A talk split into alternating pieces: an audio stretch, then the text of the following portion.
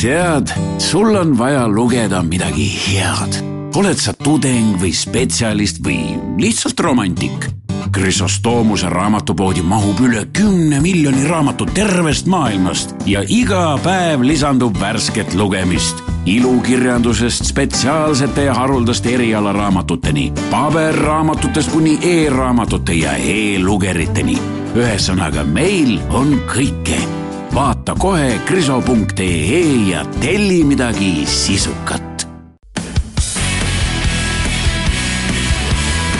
Delfi kiirtund. Delfi kiirtund, kiirtund. tere kuulamast Delfi kiirtundi, teie ees on Krister Paris, Urmas Jaagant ja mina, Otti Eilant. Võtame selle nädala teemad, mis, mis meil seni meie jaoks on võib-olla kõige rohkem kirgi kütnud, silma jäänud, läbi, arutame nendest ja ja, ja küsime, mis mõtteid see meis tekitas esimese loona võib-olla siis alustaks sellest, et teisipäeval kirjutas Päevalehe ajakirjanik Kärt Anvelt sellest, et Eesti otsib sobivat pagulast ning et Euroopale solidaarsust näidata on aega veel ainult kaks nädalat. Loost tuleb välja see, nagu, nagu ilmselt juba ka kõik lehelugejad on jõudnud lugeda, et et no ei ole ühtegi pagulast aja, aja kas või tikutulega taga. ja see üks õnnetu öö, naine keda nüüd siis võib-olla meile saadetakse, ei ole, vastu võetakse, ei ole ka veel kindel, et kas ikkagi selle vastu saame võtta. Lisaks kirjutas eilses Eesti Ekspressis Tarmo Vahter põneva loo sellest, kuidas Toompeal liigub üks mitteametlik paber pealkirjaga miks me peaksime ukrainlastele varjupaika andma. ja, ja selle loo varjus siis on ka peaminister Taavi Rõivas valitsuse pressikonverentsil kahekümne kaheksandal jaanuaril välja käinud äh, mõtte, et me peaksime kindlasti võtma äh, Ukrainast äh, näiteks siis noh, kuni kaks tuhat sõjapagulast. Mis mõtteid see teis tekitas, Krister? noh, kõigepealt mulle ütleme, kui minna sellisesse absurdivaldkonda, siis kõigepealt mulle tekitas tugevaid mõtteid arutelu üldse teemal, et noh, hea küll, me ei saa ju rääkida nullist, me räägime ikkagi teoreetiliselt ühest. Ehk see, see on, vabandust väga, kui on, ütleme, kriteeriumiks see, et me näiteks ei saaks Euroopa järgmisel ülemkogul vastu päid ja jalgu selle eest, et me oleme üks vist kolmest üldse, kes ei ole üldse äh, pagulasi vastu võtnud, et me siis tõstame nulli pealt ühe peale, siis äh, kui, kui, kui see on kriteeriumiks, on see muidugi puhas äh, puru silmaajamine ja üsna selline häbitu rehepapi tegemine. ei no tegelikult siia juurde võib öelda seda, et see on retooriliselt hästi oluline, et kuna kuna Euroopas poliitika paljuski, seal on hästi oluline see, kuidas asju sõnastatakse ja niimoodi, siis siis äh, kui sa ütled, et null on null, aga kui on üks, siis seda saab esitada kui esimest. ehk siis äh, siin on väga oluline selline retooriline asi äh,, muidugi noh, just, just selle kohta, et mm, selles Kärdi artiklis on väga suur rõhk sellele, et et mis me, mis see on nagu meist Euroopas nagu, mis mulje jätab või et mis, mis hakatakse arvama. Et tegelikult on see asi nii, et ma, ma ise arvan, et see ei kujune nii suureks probleemiks, kuna olles just eile tulnud Strasbourgist, siis seal ütleme ka teiste riikide MEP-id, no kõik ütlevad ikka täitsa otse, et see praegune süsteem pagulaste ümberjagamiseks on lihtsalt läbi kukkunud. et ma arvan, et keegi ei, ei võta nagu teemaks seda, et meil on läbi kukkunud süsteem, aga noh, vaatame, paljudel siis on siin õnnestunud, et see peaaur läheb ikkagi selle peale, et mis nüüd edasi teha. et ma, ma millegipärast väga ei usu, et hakatakse seal üksikutele liikmesriikidele nagu niimoodi näpuga näitama, et et sul on null või et, või et sul on jõudnud esimene. Noh, ja samas on meil Leedu, eks ole, kus üks perekond siis on vastu võetud, kuigi tõsi, äh, väidetavalt seesama perekond kaebab ka Leedu Riigikohtusse. Ei no see, no see selge, kogu, see äh, süsteem, mis praegu välja töötatud on, ma olen täiesti nõus, et äh, niisugusel kujul ümberjagamine ilmselt ongi, ongi määratud läbikukkumisele, et ta puudutab ju kõigest väga tühist osa nendest, kes siia tulid ta sisaldab endas sunnielemente, mis on tegelikult ju vastuolus üldse kogu Euroopa Liidu põhimõttega, ehk siis isikute vaba liikumine, kui kellelgi kästakse umbes kuskil mingis kohas elada, ja nii edasi, ühesõnaga ta on noh, loodud pigem selliseks näiliseks mehhanismiks ja, ja võib-olla noh, selles mõttes pole isegi paha, kui ta tegelikult ei käivitu, selle asemele tuleb midagi muud, mis nagu päriselt näitab üles rohkemat solidaarsust. kuigi nii palju, kui mina aru saan, ikkagi need ideed, et et vabatahtlik solidaarsus ikkagi ei tööta ja peab kuidagi selle sisse kirjutada mingitesse lepingutesse, on ikkagi päris, päris tugevad, olgu siis see mehhanism või midagi teisiti. aga siin on nüüd tegelikult ilmselt tuleb ära, ära mainida, kuna ma äh, tõin ka, põimisin ka kohe siin äh, sissejuhatuses selle Ekspressi artikli, kus, kus räägitakse kahe tuhandest Ukraina sõjapõgenikust, siis tuleb aru saada sellest, et need viissada viiskümmend, mis meil on selle Euroopa projekti või selle programmi raames nii-öelda nõusolek antud või kokkulepe Euroopale antud, need ju ei lähe sinna hulka, need on kaks erinevat, erinevat selles mõttes gruppi, et isegi kui me, isegi kui me võtaks näiteks Ukrainast lahkelt kaks tuhat äh, sõjapõgenikku, siis sellega ei saaks me tegelikult Euroopas ühtegi linnukest kuhugi kirja ka. no see lähtuks lihtsalt selle, noh, ennekõike tegelikult taandub kõik sellele, et äh, miks meil ei ole mitte ühtegi äh, pagulast selle programmi raames vastu võetud, me võime küll väita jah, et Itaalia ei anna mingeid andmeid ja puha, kui me näitaksime üles ikkagi siirast huvi selle vastu, ma pean silmas siirast, mit-, mitte seda, et no me nüüd vaatame, mida me teha saame, me esitame võib-olla kü-, ma, ma ei saa nüüd süüdistada, ma ei tea, mis, mis küsitakse täpselt, aga kui me esitame suunavaid küsimusi, et ega te ei taha ju tulla siia külmale Põhjamaale, kus teid vihatakse, siis on ju väga, väga kerge eh, saav-, saavutada olukorda, kus just nagu formaalselt on kõik korras, aga päriselt midagi ei tule. ehk siis äh, kui me päriselt nagu tahaksime, võtaksime vastu nii ukrainlased kui ka need, ei juhtuks meie demograafiaga midagi või noh, tähendab demograafiliselt läheks meil elu parem, paremaks, meie rahvaarvu vähenemine äh, lakkaks, lakkaks ja jah, kuna meil nagu see sisse- ja väljarände saldo on niikuinii juba umbes nullis, siis me saaksime esimest korda üle hulga aja hakata võib-olla oma rahvaarvuga ka, ka kasvatama ja teiseks me oleks, suudaksime näidata, mis on siis meie äh, südametunnistus ka tegelikult väärt. Äh, ehk, ehk siis jah, kui me tahaksime, siis saaksime kõike teha. mul on kõige rohkem kahju sellest, et et see aasta on nagu sisuliselt, ta ei ole nagu võib-olla päris raisku läinud, aga see aasta on ikkagi nagu kaotatud, et et äh, mulle väga meeldis see, et Euroopa Komisjon ei, kui see probleem nagu tõsiselt kerkis, ei teinud nii, et noh, istume nüüd ja hakkame siis mõtlema, et mis me siis võiks teha. vaid käidi kohe konkreetselt välja mingisugune ja tõesti väga kiiresti Euroopa mõistes käidi välja plaan, mm, me nüüd saame öelda, et noh, see ei olnud võib-olla kõige õnnestunum, aga see ei ole selles mõttes Euroopa Komisjoni süü, et tegelikult mis selle plaani niimoodi tuksi keeras, olid tegelikult ikkagi liikmesriigid ise. Et äh, olin ka tookord äh, Brüsselis, kui seda nii-öelda arutati ülemkogul riigijuhtide ja peaministrite vahel, siis äh, see arutelu lõppes kell kolm öösel ja see arutelu oli ikka nii tuline, et seal käidi vahepeal mingite seltskondadel, käidi ukse taga koguni nagu eraldi rääkimas, et hakka nüüd palun inimene aru saama asjast, et äh, noh, see sündis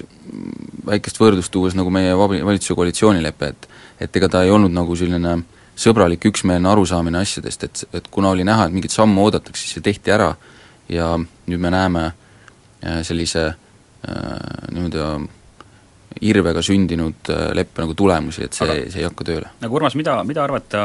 meie enda poliitikute retoorikast selles, just selles samas võrdluses, et et Euroopast me just nagu vastu ei taha väga võtta, samal ajal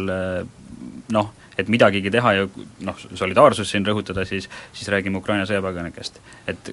kuida-, mis, mida sa, mida sa sellest, sellisest suhtumisest arvad? ma ei oskagi arvata, selge on see, et nad ei, et neid väga siia ei taheta võtta ehm, ja noh, ma näen, et noh, see, see on selline nii-öelda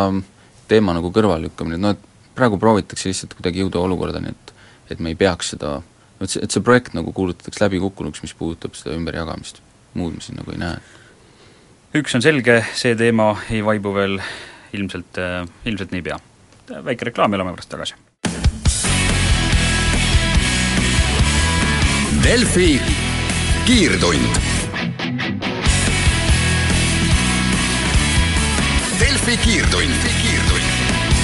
tere tagasi kuulama Delfi kiirtundi, täna teie ees Krister Paris, Urmas Jagant ja Otti Eiland. Äh, Urmas, sina tulid just äh, eile jõudsid tagasi Strasbourgist, kus, kus teisipäeval pidas, pidas president Ilves, võib vist öelda, et oma järjekordse selles, selles mõttes ettekande teemal te, te, Maailmapanga eh, aruande, aruandel, kus ta siis, kus ta siis on üks autoreid eh, digitaalse dividendide peatükis ja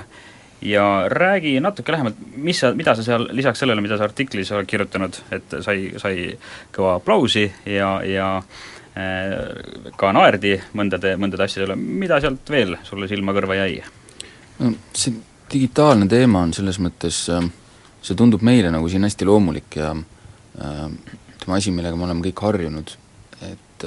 mujal Euroopas üldse nii ei ole, et et äh,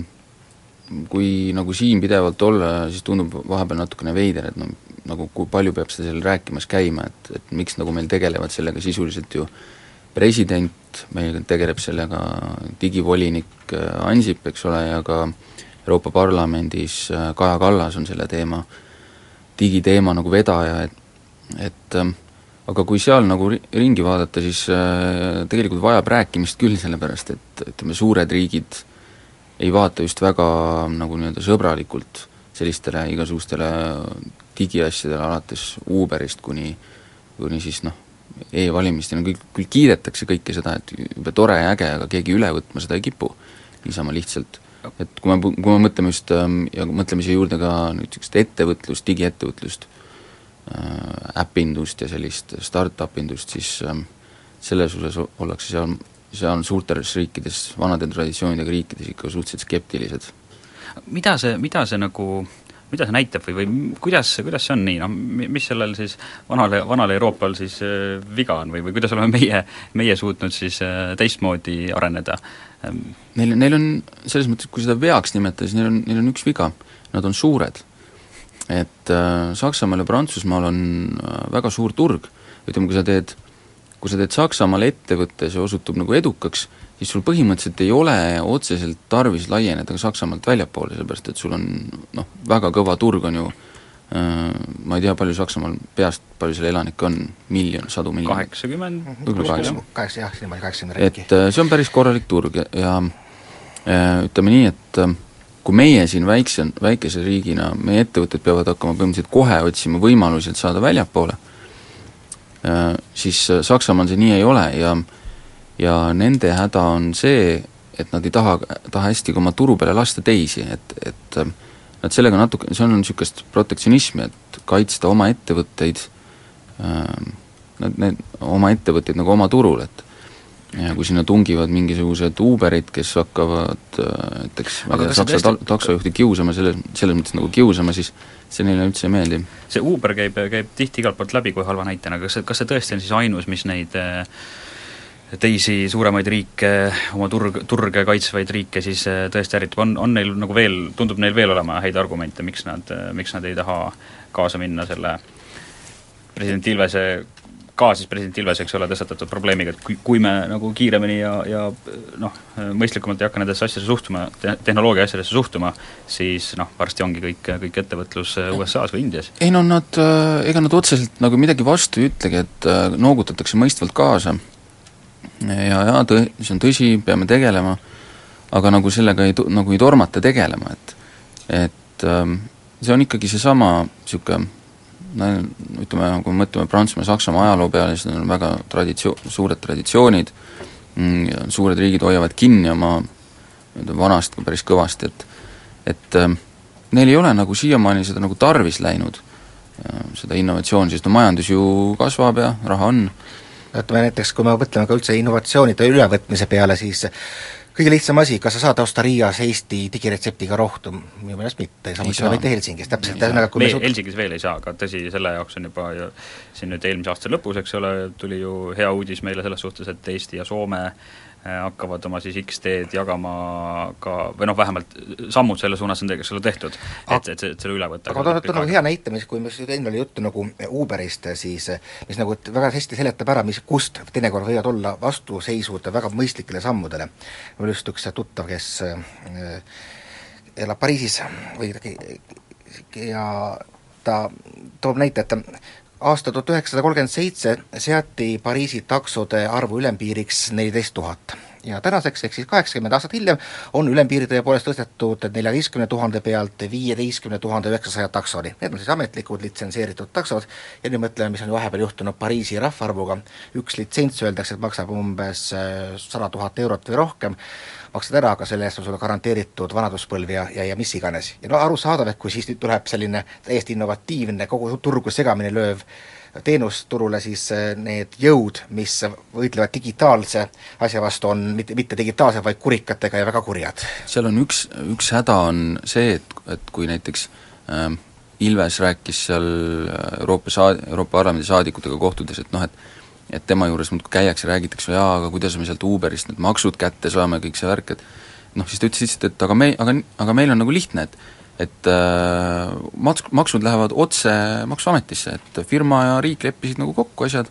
ja tehakse. et äh, see oli näiteks nagu sellest, et nagu kõik on teostatav ja mingit niisugust probleemi nagu ei ole, ainult konks on selles, et äh, sellistes suurtes riikides tuleb alustada nagu täitsa alt, et neil, neil puuduvad niisugused X-tee-laadsed tooted, neil ei ole sellist ettevõtlut, ettevõtete su-, nagu sellist digitaalset otsesuhtlust riigiga, et see kõik tuleks nagu, ähm, nagu suures osas täiesti nullist hakata ehitama. et selles mõttes, ähm, selles mõttes ongi see asi nagu natukene kole, et ähm, see mahajäämus on varsti selline, et, et, et sellele järgi võtta nagu kiiresti on suhteliselt raske ja teine asi muidugi see, et need vanad liikmesriigid ja suuremad riigid, nad ei saa endale lubada sellist paindlikkust ka noh, ütleme seaduste tõlgendamisel, nagu siin meie. ehk siis sisuliselt Eesti ju ütleb ühe, ühe käega praegu ikkagi, et Uberi teenus ei vasta ühistranspordi nõuetele ja tegelikult seda ei tohiks olla, ja teise käega korjab makse. vaat see on suurepärane paindlikkus, aga muud riigid tegelikult baseeruvad märksa rohkem toimivatel ja kõigile üheselt mõistetavatel reeglitel, mille muutmine ongi aeglane ja keeruline. ehk siis noh, me natukene maksame oma, oma sellise paindlikkusega ka lõivu sellisele ütleme, õiguskindlusele. tegelikult Uberi juht täna ei tea, mis temaga juhtub, kas homme peatab ta politsei või homme on ta korralik aus maksumaksja. samal ajal, kui, kui Ilves on oma aruandega käinud äh, rääkimas juba, juba mitmel kohal ka siin Eestis, eks ole, ja, ja nüüd siis Strasbourgis äh,, kas ei ole natuke irooniline või, või, või mida sellest arvata, et Siim Kallas äh, tekitas siin meie äh, veergudelgi vahepeal natukene furoori sellega, et, et, et viskas, viskas meie eesistumise ähm, kavale natuke ninanipse, et, et mingi digivärk, et, et ei ole väga hästi nagu meil see sõnastatud, meil ei ole sellega ikkagi väga täpseid plaane. et just seesama, mida siin ka president Ilves toob välja, et me võiksime just seda enda aega võimalikult palju ära kasutada, et teistele, teistele oma digimeelsusega nagu, teisi oma digimeelsusega nakatada, et mida arvate sellest äh, no, no, eelistamise programmist? ma ise tegin intervjuu näiteks Glenn Järatsiga, kes juhatab siis Eesti Euroopa Liidu eesistumist ma arvan, et räägime sellest äkki võib-olla siis pärast, kui uudised on ka ära kuulatud, aga olemuselt ütles ta seda, et me ei ole veel üldse kommunikatsiooniga alustanud, meil on esialgsed plaanid paigas ja aga ta ütles ka, et väga halvasti vaadatakse Euroopa Liidus nendele, kes tahavad selgelt oma, oma mingit enda agendat läbi ajada, pigem ikkagi kõik vaatavad, kuivõrd sa sellist ühtset peret suudad edasi lükata.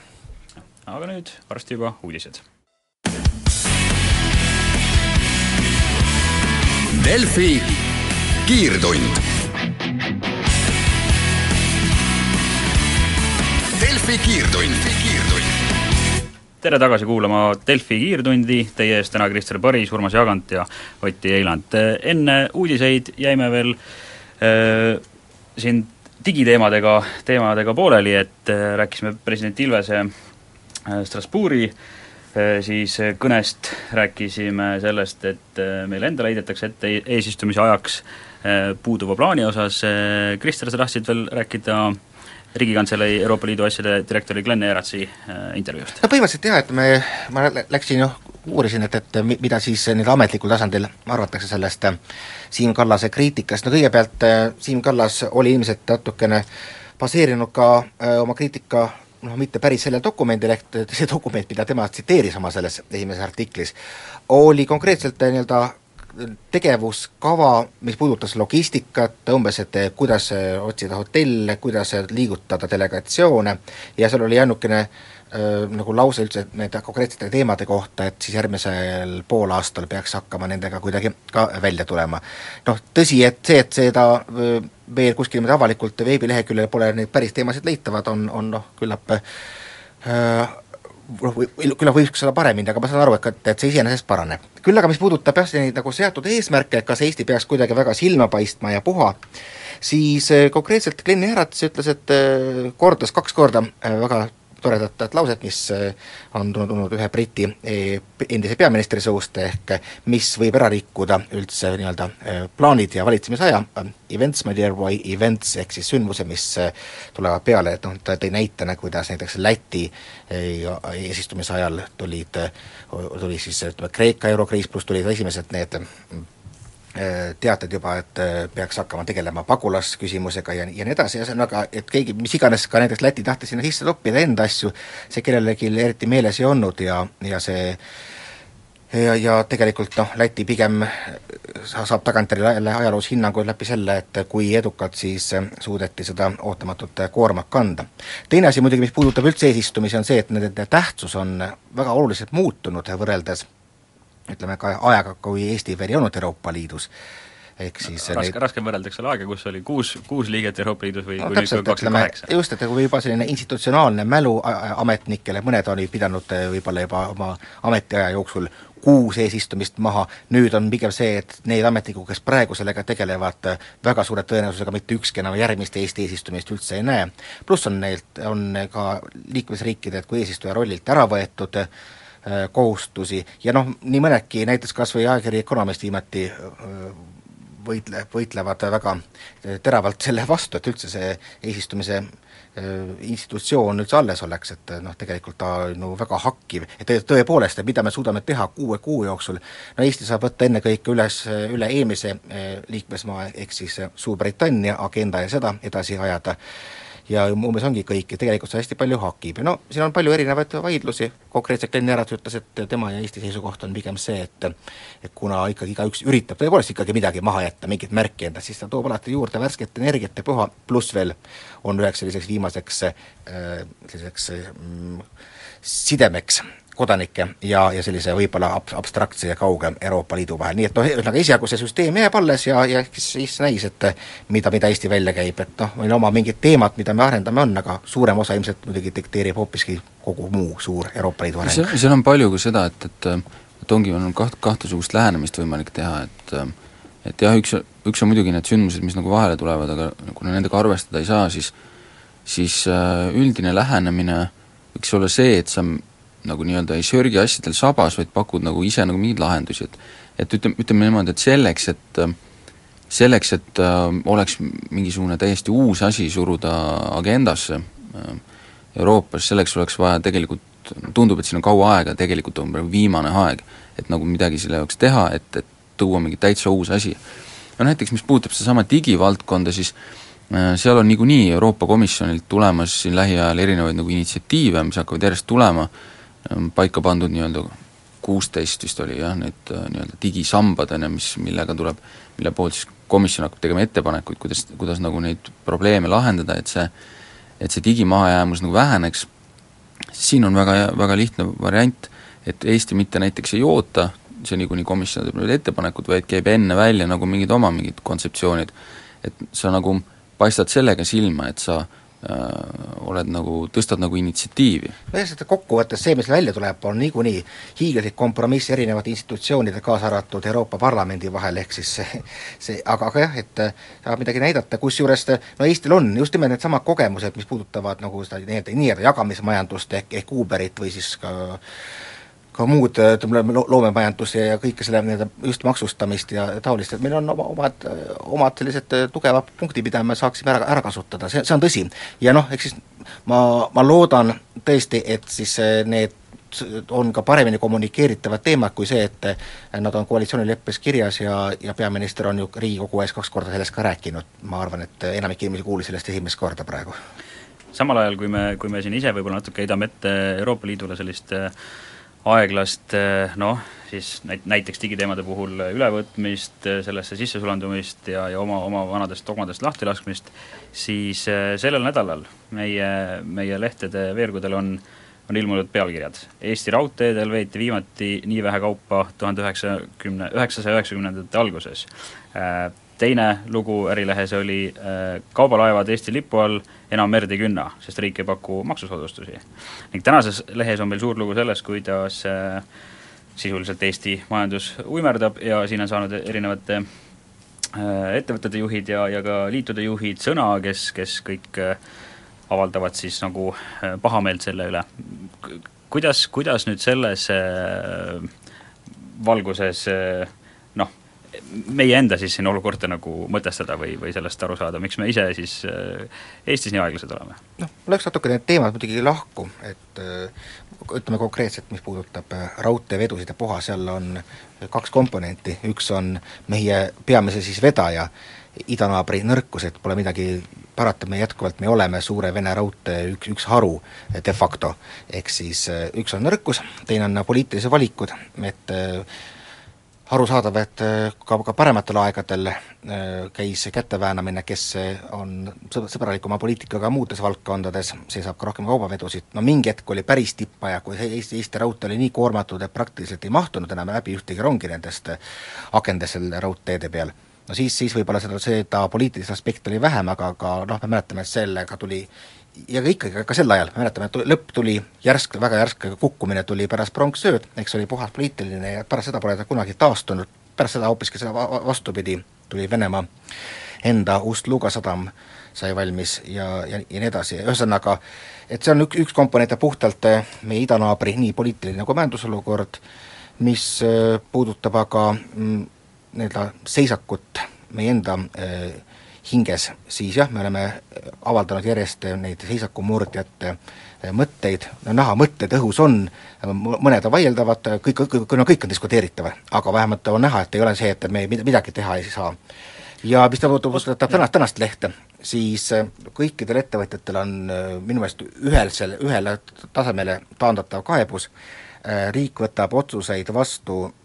nagu silmnähtavalt arbitraarselt ära kuulamata või siis on kuulamine formaalne, ehk siis inimesed nagu reaalselt kaasamata, ehk siis nagu riik ja ettevõtjad on nagu kahel pool rindejoont, selle asemel, et ajada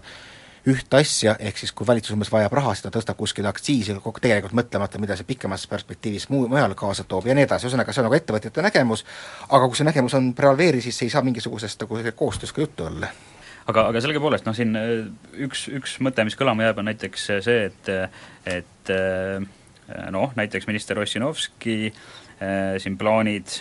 alkoholi, alkoholireklaami ja, ja reklaami piirata ja ka muid siis piiranguid seada, et on, on tekitanud selget pahameelt ja et see argument neile ka nagu ei lähe korda, et, et rahva, rahva tervist tappa ei tohi. kas, kas ma nagu äh, Äh, on see nüüd sama teema ikkagi, et, et ei kaasata piisavalt ettevõtjaid või, või on see koht, kus nagu võib-olla ei, ei saagi noh, ja ei saagi minu meelest ka, ka see Praxis tõi välja selle, et näiteks koostati sama alkoholipoliitika rohelist raamatut, siis mitte kuskil ei antud nagu indikatsiooni, et selle peale hakatakse pärast üles ehitama seadusi, see oli noh, umbes konsultatsioon, dokument ja puha. ja, ja võib-olla ettevõtjad siis vastavalt süvenenud või ei, ei, ei löönud ka ise piisavalt kaasa, et nüüd siis, kui nad näevad, kuhu need võivad välja viia, siis näiteks kui jutt on olnud viimastel päevadel näiteks magusamaksu ideest, siis on suhtumine hoopis teine. seda ei saa küll nagu riigile ette heita, et äh, rohelisi raamatuid nagu sellega, selle mõttega nagu koostataksegi, et need on nagu raamdokumendid, kui ettevõtjad äh, pidasid seda millekski mingiks kaustaks riiulil, siis äh, noh, see on natukene nagu nende probleem ka, et kui nad ennast sellega kaasa ei vii. aga siit teeme kiire pausi ja oleme varsti tagasi. Delfi kiirtund. Delfi kiirtund, kiirtund. Nii, aga ka meie saatejuht Otti on kirjutanud täna väga huvitava loo. loo, mis tõi mulle meelde äh, kuskil väga segased üheksakümnendate alguse, kus äh, saabus näiteks koju äh, kiri, et olge hea, siin on sees üks ümbrik, pange sinna sisse kümme rubla tollal veel, saatke siis sellele ümbrikule esimesele aadressile, kirjutage umbes enda nimi lõppu ja saatke edasi nii-öelda kümnele inimesele laiali need kirjad ja kokkuvõttes saate nii ja nii palju raha. kui ma õigesti mäletan, siis meie perekonnas äkki vist isegi mindi esimene kord selle ohvriks. tänapäeval on äh, taolised, mille asja, asja nimi on püramiidskeemid, märksa äh, märksa huvitavamad, ka mitte taolised, nagu olid noh, ka, ka üheksakümnendatel, kus oli sellised erinevad laenuühistud, mis umbes kasutasid sama põhimõtet ja läksid kiiresti pankrotti, aga nüüd pakutakse hoopis huvitavaid teenuseid, et kõigepealt, et sul on arvuti, sul on arvutil niikuinii tühi kõvaketas, aga meil on andmed, mida me tahaksime sinna panna ja me kuskilt mujalt ei leia kui sinu arvutist. Äh,, tingimus on siis see, et kõigepealt maksa meile palju raha, siis me võtame üle sinu arvuti ja siis äh, me lubame sulle, et sa saad kunagi rikkaks. et oli sisuliselt, saime õigesti aru sellest skeemist? jaa, jaa, sa oled väga õigesti aru saanud, et, et eks need äh, püramiidskeemid ja, ja sarnased, äh, sarnased süsteemid kipuvad ju olema väga, väga sarnased kõik, et neil on kõigil noh, läbivad jooned näiteks, tehakse selliseid noh, mulle meeldib öelda halleluuja konverentsid, kus, kus on šikid, šikid inimesed, neil on ilusad riided, nad tulevad, räägivad inimestele sellest ja väga hoogsalt ja väga, väga usutavalt sellest, kuidas, kuidas näiteks palgatöö on noh, ikka juba eilne päev, et täna, täna, täna ikkagi noh, targad ja, ja mõistlikumad inimesed teevad, teevad või noh, teenivad tulu nii, et nad ise samal ajal puhkavad. selle, asja nimi oli muidugi hiljuti veel Ameerikas ka creative accounting. just, just, just, et, et, et, et jumala eest jah, palgatöö on mõttetu ja noh, selline jutt, kogu see muu sinna juurde, videod kihvtidest reisidest Dubaisse, tööreisid, kogu see elustiil, mida selle nagu, kogu selle noh, kampaaniaga müüakse inimesele, noh, see, see tõesti võib töötada, selles mõttes, et kui sa ikkagi oled äh, kaheksast viieni või, või hullemal juhul veel kauem töötav inimene igapäevaselt ja, ja sul on vahepeal natukene eh, perspektiiv ära kadunud, siis, siis jutt sellest, et, et ma annan kuskile natuke raha sisse, ise midagi tegema ei pea ja, ja saan varsti ratsarikkaks, no see ju tõesti töötab ja nagu näha, siis töötab endiselt, töötab endiselt ka ja Ki-, ka Eestis. kirjelda seda, mis, mis, millega tegemist oli seal siis täpsemalt? Eh, sa selles mõttes said juba põhimõtteliselt suuresti väga täpselt aru, et, et, et kui sul on noh, seda siis reklaamitakse siin Eestis erinevate, erinevate diilerite kaudu siis sama, noh, tekst on sama, et sul on, sul on arvutis, eks ole, eh, kõva ketas, mis noh, nii ehk naaselt on, seal on tühja ruumi ja, ja palun eh, palun siis liitu meiega,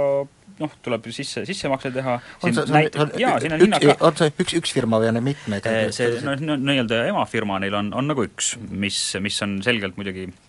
väga kahtlase taustaga selles suhtes, et nad reklaamivad, nad on äh, Suurbritanniasse registreeritud firma. Äh,, kui hakata uurima, siis selgub, et samale aadressile on registreeritud veel umbes äh, mitukümmend, kui mitte öelda juba sada ettevõtet. ehk siis, ehk siis see on esimene selline äh, ohu, ohu noh, selline kelluke, mis peaks hakkama helisema, teiseks ei ole neil absoluutselt mingisugust mõistlikku kontakti märgitud lehele, nendega ühendust saada on väga raske, mina, mina sain nendega ühendust korraks, nad saatsid mulle sellise, tundus vähemalt kokku kopeeritud äh, reklaamtekstide äh, kogumi vastu ja arvasid sellega nagu vastata, kui ma palusin neil ikkagi täpsustada, et noh, miks nad ikkagi keelatud ärivõtteid kasutavad, kuidas nad tagavad enda klientidele turvalisuse, mida meie loos tuuakse ju välja, et äh, eks-, erinevad eksperdid äh, toovad välja selle, et, et, et see on, see on nii ohtlik, et äh, noh, ei ta-, noh, kuidas üldse saab niisugune küsimus tekkida inimestel sellega liituda. et äh, no kui me mõtleme juba kas või selle peale, et kui no noh, juba ammu, kui tehti ka Eesti vastu küberrünnakud, oli juttu, et tegemist on nii-öelda botnetidega, ehk siis inimesed on kas või pahaaimamatult saanud mingi viiruse, siis kõik need arvutid on läinud võrku, mis siis saadavad välja neid päringuid, siis kui sa nii-öelda põhimõtteliselt viiruse endale külla kutsud kohe, siis on, võib juba minna ka te- tegelikult kuriteokoosseisu alla. aga nüüd ma vaatan eh, tootlikkust Eh, võtame kõige lihtsama, sa sa paned siit, annad kellelegi sada kakskümmend viis eurot ja siis hakkab laekuma iga kuu see on isegi dollarites. dollarit ja dollarit, ja palju dollarit ja ütleme, hakkab laekuma iga kuu kakskümmend kuus, ütleme noh, laias laastus on kuue kuuga see sinu, sinu sissepanek juba tagasi tehtud mm. -hmm. kaheteist kuuga oled sa juba topelt pluss- plussis, isegi kõige võimsamad kiirlaenufirmad ei saa selliseid protsente kätte kuskilt, et no siin nagu, siin nagu ka loos jällegi eksperdid mainivad noh, väga lihtsat loogikat, et kuulge, kui kui mitmed pilveteenuste pakkujad, eh, rahvusvahelised, selles mõttes suured tuntud firmad, olgu see siis eh, Dropbox, Google Drive, mis iganes, pakuvad sulle viiskümmend giga aastas ühe euroga, et noh, siis kuidas saab olla loogiline, et sina annad oma, oma näiteks viisteist giga ja saad selle eest vastu, kui nüüd selle maha lahutame, liitumistasu, noh, üle neljasaja euro. ja, kuidas see ja, ja pange selle, see sellesse perspektiivi, kui sa lähed poodi ja ostad endale ma ei tea, mitme terabaitisid tänapäeval juba müüakse kõva kätte ja kui, kui vähe see maksab, siis Jah. on see täielik et aga, aga, aga reklaamtekst on neil hea, et jah, et tõesti, et et selline ühe, ühe serveri äh, süsteem on, on iganenud ja, ja nüüd on väga hea, kui, kui kogu info on ära jagatud erinevate arvutite vahel üle maailma. Mis on muidugi naljakas, me siin, see taustatöö oli, oli, oli natuke pikem kui, kui lihtsalt äh, artikli jaoks tehtud, et et sealt tuli ka välja see, et äh, erinevatest foorumitest, et äh, need, kes on sellega liitunud, Äh, naljakal kombel senise aja jooksul, mis nüüd on siis olnud, see, see aeg kusjuures ei ole väga pikk, sest et sellest, sellest skeemist on esimesed sellised blogipostitused ja esimesed niisugused arutlused tulnud alles kuskil september, oktoober ja, ja noh, siin Eestiski neil on all, olnud ju see esimene konverents alles, alles jaanuari keskel. et ja ma olen ka vaadanud siin muude riikide, näiteks Saksamaa ja, ja kus need siin veel on, on levinud, et, et ka seal on see kõik nagu hästi, hästi värske, noh viimaste, viimaste kuude jooksul on see kõik toimunud. ja, ja, ja noh, mis siis tuuakse välja, et need, kes on liitunud, et nende arvutitega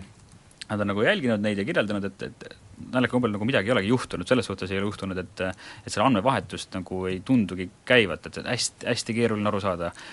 et mis see, mis see siis see tegelik see noh, põhjus seal taga on, eks ole, mõistagi tegemist on püramidskeemiga, mõistagi on ohtlik, aga, aga tegelik motiiv nende, nende püramiidskeemi loojate taustal on, on, on keeruline mõista. ei ta täiesti võimalik ongi, et ta lihtsalt on leidnud mingisuguse uue knihvi, millega ka nagu maha müüa oma püramiidskeemi, aga see jällegi, kui ma vaatan sealt kas või välja tõsta, et Eestis on liitunud tuhat kolmsada inimest. See on väidetavalt. no väidetavalt, no ütleme tuhat, võib-olla kaks tuhat. -hmm. aga see lihtsalt näitab ikkagi, kui lihtne on, on sellised nii-öelda inimese enda turvalisussfääri sisse murda, seda ka näiteks meie president on juhtinud korduvalt tähelepanu, kui siin räägitakse eh, suurtest riikidest, kes nuhivad ja pealt kuulavad, et inimesed ise annavad eh, korporatsioonidele vabatahtlikult meeletu hulga oma infot enda kohta käest, käest ära niimoodi ja antud juhul, nagu näha, kutsuvad suisa, suisa enda arvutisse külla. jah ja siin selle, selle Kairose puhul on veel põnev see, et neil on äh, vähemalt fotode järgi, mida ma olen siis näinud, äh, ikka päris, see süsteem ei olegi isegi ainult niimoodi sooja, sooja õhu peale ja, ja ilusate konverentside peale üles ehitatud, vaid neil on ka sellised erinevad noh, nagu siin ka loos on toodud, et neli erinevat paketti ja iga paketiga sa saad siis erinevad sellised küll telefonid, nende enda kuidagi logo, logodega ja, ja, ja süsteemidega eh,, telefonid, tahvelarvutid ja sealt edasi, ma noh, super täpselt ei, ei tahtnud ennast nagu kurssi viia, et ma hakkan ise varsti liituma. ja, ja seal ka need ruuterid ja kõik, et see, see isegi see tehniline park tundub neil täitsa olemas olevat, mis on noh, endiselt tekitab minus üha rohkem küsimusi, et mis see nende, see motiiv seal taga on, et see jäi, jäi minu jaoks minu mõte, ainus mõte, mis see motiiv saab olla, on esiteks see, et kas noh, seda saab teha üht- või teistpidi, kas sa kasutad mingisugust asja selleks, et varjata püramiidskeemi, või kasutad püramiidskeemi selleks, et varjata midagi muud. et me ju ei tea, mis andmed sealt liiguvad, mis andmeid kellegi arvutis hoitakse sealt võib tal-, tulla välja noh, mida iganes, pärast on tõepoolest nii, nagu ongi artikkel pealkirjastatud, et sa oled osalenud mingisuguses jumal teab mis, mis äh, organiseeritud kuritegevuses äh,, kui sa saad sealt äh, muidugi preemiaks saada, sõita ilusalt näiteks Dubaisse ja saada seal veel preemiaks mingisugune äh, Äh, tahvelarvuti sellelt ettevõttelt, noh, sa ei tea iial, mis seal tahvelarvutis sees on. mul meenub üks lugu, kuidas need Eesti ajakirjanikud käisid äh, Moskvas ja said sealt kaasa sülearvutid, et äh, mis siis mõne, mõnede poolt saadeti otse nagu prügikasti korda ka avamata, et noh, sa lihtsalt ei tea, mida, mida see, mida see sisaldab ja lõpuks äh, jalutavad su enda andmed kuhugi, mis, mis, äh, mille tulemus võib olla see, et et sul tuleb küll pangaarvele, mis seal oli, kakskümmend kuus eurot, aga ütleme, ülejäänud viissada, mis sul seal varem olid, neid enam ei ole näiteks. jah, ja siin äh, äh, jällegi, mis, mis minu jaoks on selline ühine joon, on see, et need inimesed kõik äh, no see on sellise klassikalise sekti nagu äh, algne, algne selline äh, eufooria, et see esimesed ju mingisugused kuud on inimesed, nad on, nad on nii vaimustunud, et nad, ükski kriitikanool ei lähe neist läbi. ja täiesti kindlasti esimesed maksed tulevad ka. ja, ja ise, isegi esimesed maksed võivad tulla ja nad, ja nad seal reklaamivad oma, oma, oma neid äh, panga väljavõtteid ja kõik nagu just nagu töötab. aga, aga, aga ei taheta, taheta jah äh,, äh kuidagi, kuidagi nagu ennast kurssi viia sellega, mida siis tegelikult sinu arvutiga tehakse ja, ja selle tõi ka ju politsei välja, et oht küberkurjategijaks saada on nii lihtne, et, et see, see, see on väga ohtlik. aga sellel, sellel noodil tänase äh, Delfi kiirtunni lõpetame, aitäh! Delfi kiirtund. Delfi kiirtund, kiirtund